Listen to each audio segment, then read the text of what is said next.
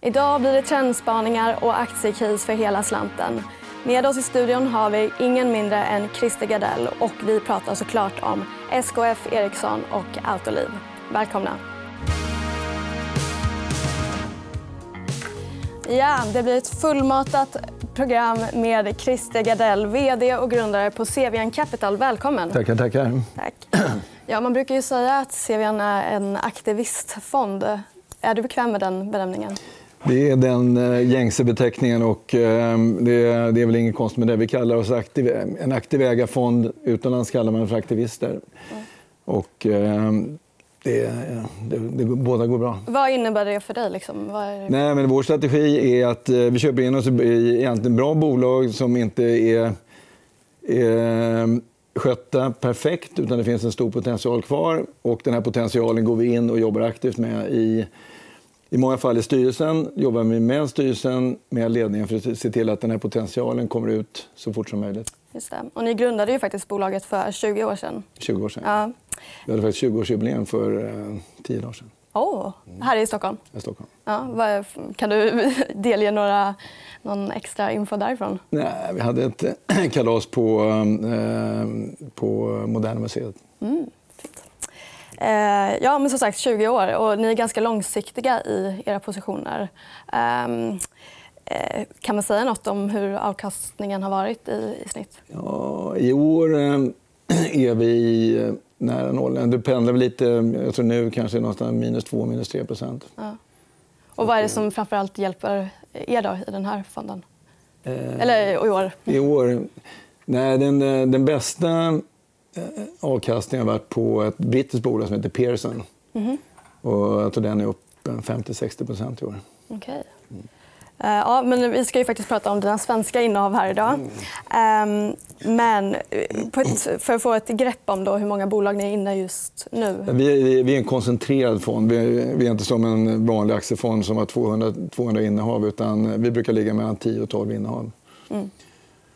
Så att, eh, och det gör att i en koncentrerad fond så, eh, så är det väldigt viktigt att du inte gör dåliga investeringar. Mm. Eh, ja, verkligen. Men majoriteten är svenska bolag? Eller? Nej, en del är, del är svenska. Vi, vi investerar i, är en europeisk fond. Vår fond är en eurofond. Egentligen. Och vi investeringsmandatet är att investera i Europa. Men Norden är en viktig marknad. Storbritannien är en viktig marknad. Schweiz är en viktig marknad. Vi har I Frankrike har vi ett bolag som heter Rexel, fantastiskt fint bolag. Sen har vi varit inne i Tyskland också. Tyskland är en svår marknad. Mm. Och, eh, där har vi gjort, gått på några, några miner och eh, framöver så är, är vi väldigt försiktiga med Tyskland. Vad är det som gör det så svårt att investera där? Då? Eh, Tyskland är en... Eh, corporate governance-mässigt är Tyskland väldigt annorlunda. Det är oklart i tyska bolag vad huvudsyftet är med verksamheten. Om det är att eh, bygga värde åt aktieägarna eller om du har så många anställda i Tyskland som möjligt. Ehm, så lite oklart eh, kring de här grundläggande förutsättningarna. Och sen är ju ehm, styrelsesammansättningen uppbyggd på ett helt annat mm. sätt. I Sverige har vi eh, fackföreningsrepresentanter, men det är anställda i bolagen som sitter i styrelsen, normalt sett två till fyra stycken. I Tyskland är det tio stämmovalda, tio fackföreningsrepresentanter i styrelsen. Men här är fackföreningsrepresentanterna det centrala representanter, det vill säga det är i princip politiker. Mm. Och för, för de här är inte bolag, hur bra bolag går som är viktigt utan det är att se till att det blir så många medlemmar i facket som möjligt. Just det. Så det är väldigt annorlunda och eh, det gör vår typ av strategi är svårare i Tyskland än i till exempel Sverige. Vi ska komma in lite på casen här nu. Ehm, ett aktuellt case, eh, eller innehav som ni gick in i bara för några månader sedan är ju SKF. Mm som hade kapitalmarknadsdag här förra veckan.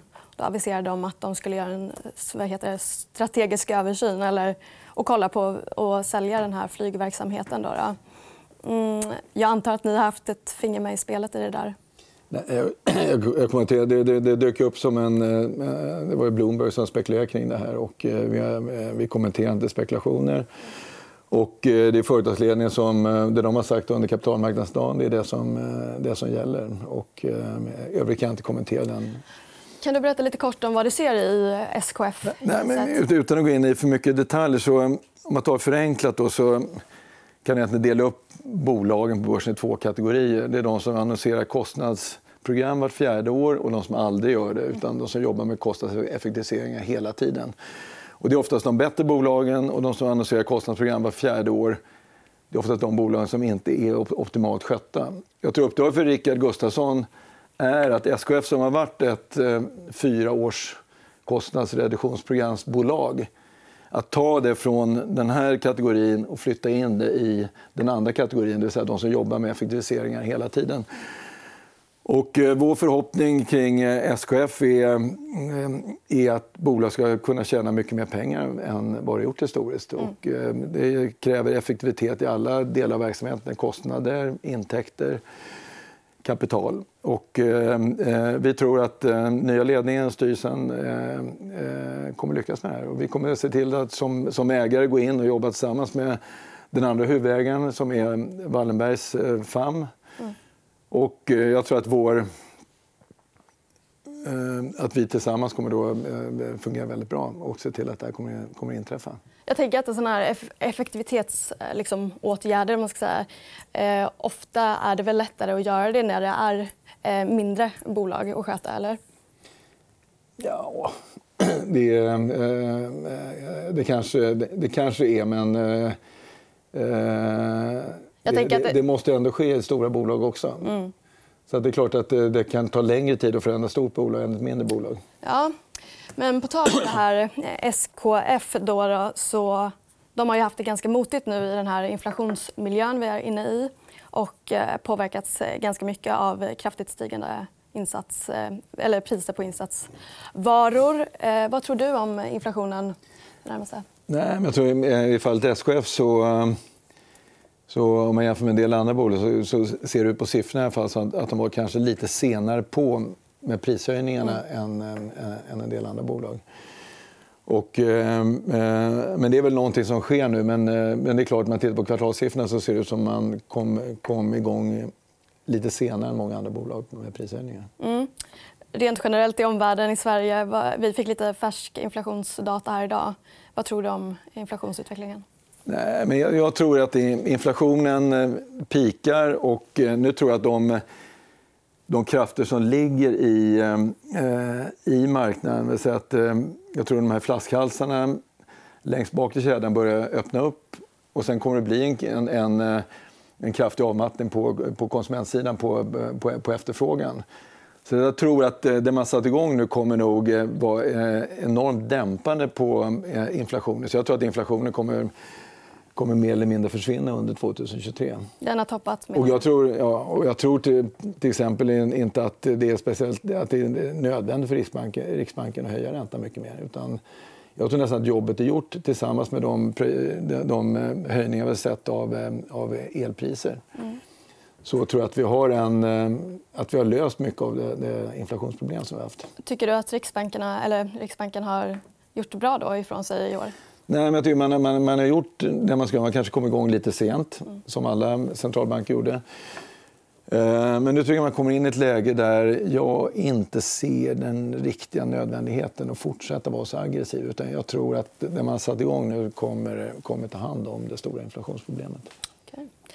Eh, ja, eh, men vi ska gå vidare här i bland bolagen. Eh, och CVN, ni har ju varit kända för att dela upp eh, stycka bolag eh, lite här och var. Och ett sånt case är ju Autoliv eh, som knoppade av Veoneer eh, 2018.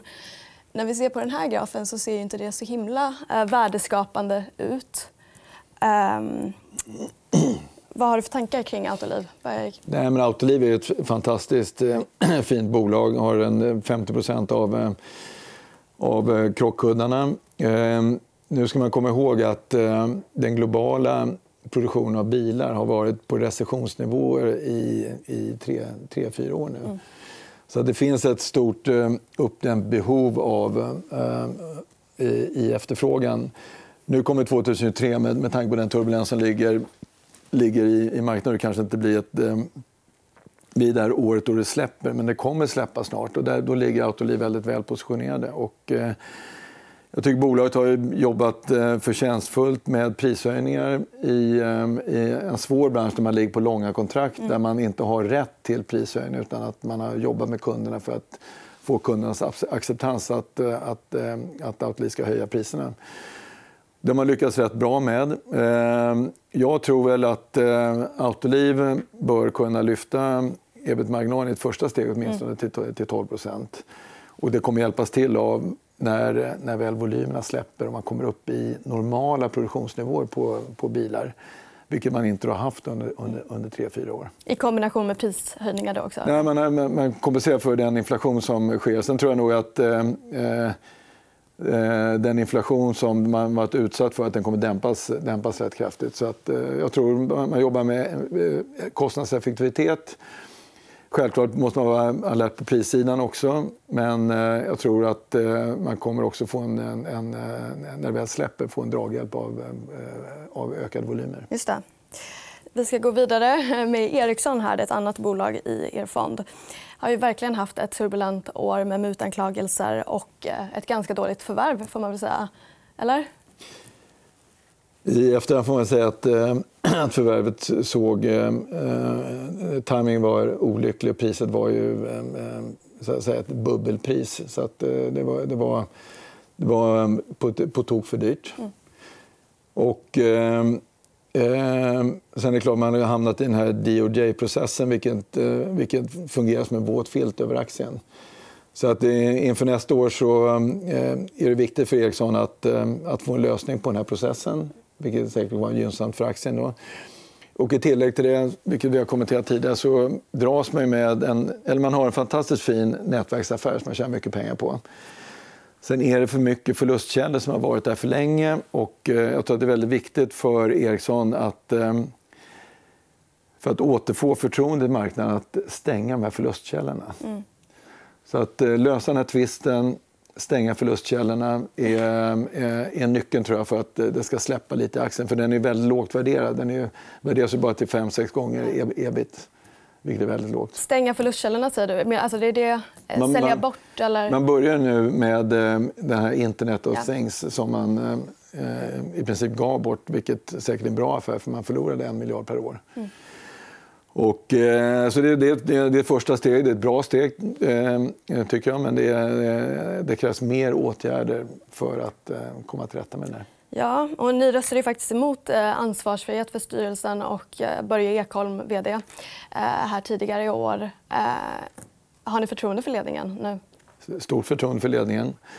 Och styrelsen, eh, anledningen till att vi, eh, vi röstade som vi gjorde var att vi hade ingen information för att, mm. eh, för att rösta på något annat sätt. Mm.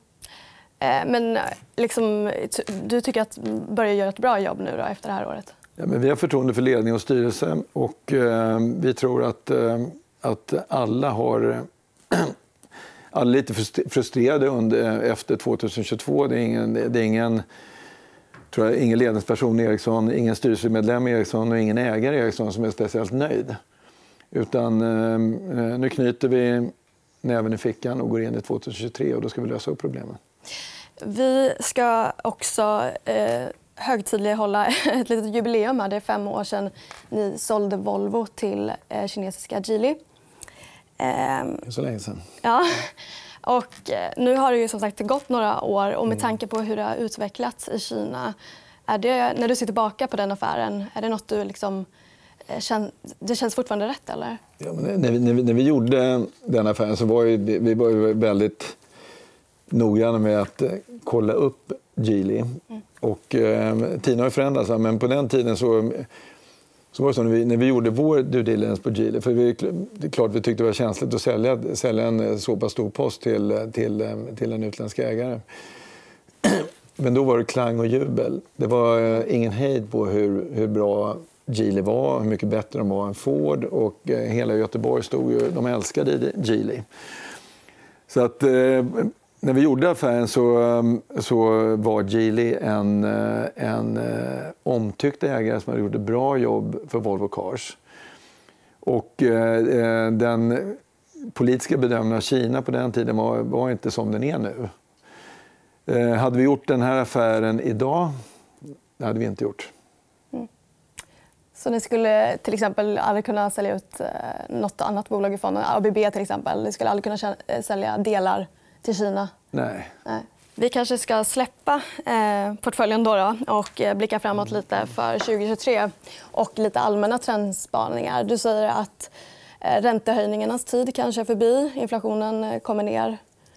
Ja, men det, det, det, är svårt att veta exakt när, eh, när det sker. Jag tror ändå, om man tittar in i 23 så de som har, kommer få kämpa i 23 det är fastighetsbolagen, som jag ser när de ska omfinansiera sig så kommer det inte gå utan nyemissioner. Så jag tror det kommer bli en knepig finansieringstid för fastighetsbolagen. Man får nog förbereda sig på att det kommer bli en del nyemissioner där.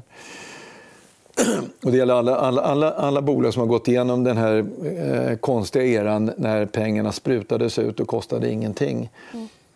Private equity har också, det är en stor sektor numera, hög belåning. De har också rätt mycket att stå i vad gäller eh, eh finansiering. Eh, den tredje sektorn som man ska vara lite försiktig med, som vi har varit försiktiga med, det är konsumentnära bolag. Mm. För det är, det är de som får ta den riktiga smällen här i början. Och jag tror att det kommer ske rätt fort eh, när deras försäljning kommer vika ordentligt. Och där finns det inte längre utrymme för att hålla på att höja priserna. Nej. För det, som, det, det, leder bara till att man inte säljer någonting. Jag fastnar lite för det här med fastigheter eh, och eh, finansieringsbehoven där. Eh, skulle det kunna liksom bli någon ny fastighetskris? Eller vad? För det är ju ganska liksom stora summor och bolag vi pratar om. Jo, men jag tror, jag tror, jag tror att det är Eh, det är en, kan du säga, det är en kris som det är nu med tanke på att eh, lånekostnaderna överstiger vad fastigheterna avkastar. Mm. Och det är, det är lite grann som det var på, på, på, i början på 90-talet. Då var det mycket mer extremt. Då avkastade de 1 och, och mm. lånen kostar 10 Nu kanske lånen är på 6% och eh, fastigheterna avkastar 4 Men det, det, är ett problem, för det är negativa kassaflöden. Då. Och, ehm, eh, för att lösa det här problemet eh, så krävs det tror jag en, en mycket lägre belåning än vad fastighetsbolagen har idag. Och lägre belåning får man i det här fallet genom att eh, föra in mer eget kapital, det vill säga nyemissioner. Ja. Så att, eh, det, och det blir kanske knepigt, va? för det är, ju, det är många stora ägare i de här fastighetsbolagen och det är oklart, nu är inte jag någon expert på det men det är väl oklart hur mycket kapital de stora ägarna har att föra in. Ja. Och om man inte har det här kapitalet så är alternativet då det att sälja fastigheter ja. i den här marknaden. Då får man speciellt mycket betalt för det. Nej. Så det, det, det, det, det är på något sätt eh, det är val mellan pest och kolera. Lite grann. Ja, och lite, ja. tänker jag på, lite signifikant för den svenska marknaden är väl ändå det här korsägandet. Eh, alltså magnater emellan, eller vad man ska säga. Jo, de, de, de har köpt in sig i varandra. Va? Men det är ändå så att det, är rätt så tydliga huvudägare i respektive bolag. Och, eh, det, blir, det blir en press på huvudägaren att, att hosta fram pengarna. Ja. För det, det, det, kommer krävas. Och, eh, som sagt, det är två alternativ. In med nytt eget kapital och eller hålla på att sälja fastigheter i en, i en usel marknad. Mm. Eh, nu när vi pratar om lite så här, eh, dåliga trades, låter som, har ni någonsin funderat på att eh, gå kort, alltså ta korta positioner? Nej, vi är långa. Ja, och hur kommer det sig? Alltid varit, alltid kommer vara. Ja. Ja, vi, eh, vi, du kan inte gå in i ett bolag Nej. som aktivist och, och ta en kort position. Då ska du gå in och försöka se till att bolaget går i konkurs i princip. Och den affärsidén känns inte så fräsch. Nej, det gör det ju inte. Men å andra sidan, jag menar som börserna var liksom för ett år sedan. Kan man inte ha känt sig lite lockad då? Att här finns det massa... Nej, man får som långsiktig ägare, börsen går ju upp och ner och den, den är konstiga pengar, mycket indexpengar som inte bryr sig om vilka bolag de köper och eh, hur, de, hur det går för bolagen. Och sen kvantitativa strategier som inte heller har någon koll på vilka bolag som, som, som, eh, som de köper in sig i och de kan inte fundament. Alltså det, det är mycket dumma pengar ute i aktiemarknaden vilket gör att den här kan leva ett rätt så volatilt liv. Och ibland går det ner, ibland går det upp. Vi har disciplinen att eh, går det ner kraftigt så vi, vi har alltid ett pris där vi köper aktier. Och vi försöker, när marknaden blir tokig och säljer för mycket och, och det, det, det, skapar bra köptillfällen för oss. Ja. Men vi är långa och eh, vi är tålmodiga och eh, vi försöker köpa där alla vill sälja. Men hur ser du på det här med blankning? Då? Alltså, är du liksom principiellt emot? Eller? De här, vi har ju sett massa det... blankningsattacker till exempel. Jo, som. Eh, jag tror det, det, det, är väl, det är väl på något sätt sunt att när vi har som vi, den, den fas vi har gått igenom nu med när man blåser upp en bubbla. Mm. Det har haft konstiga techbolag som inte tjänar någonting som är värderas till hur mycket som helst. Och, eh, och så vidare. Så är, det, så är det nästan nyttigt för marknaden att ha blankare som går in och försöker punktera de här bubblorna. Så att jag vill i grund och botten eh, jag tycker att det är ett naturligt inslag i, i aktiemarknaden att eh, man ska kunna peta hål på bubblor. Mm. Det får bli de avslutande orden för dagens EFN-marknad. Tack, Christer Gardell, för att du kom hit. Tack. Ja, det var allt för dagens program. Glöm inte att följa oss på Twitter och på vårt Instagramkonto EFN Aktiekoll. Nästa vecka är vi tillbaka igen. Glöm inte att titta då. Hej då.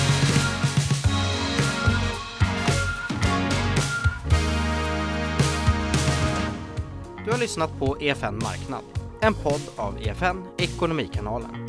Mer om ekonomi och aktier finns på efn.se.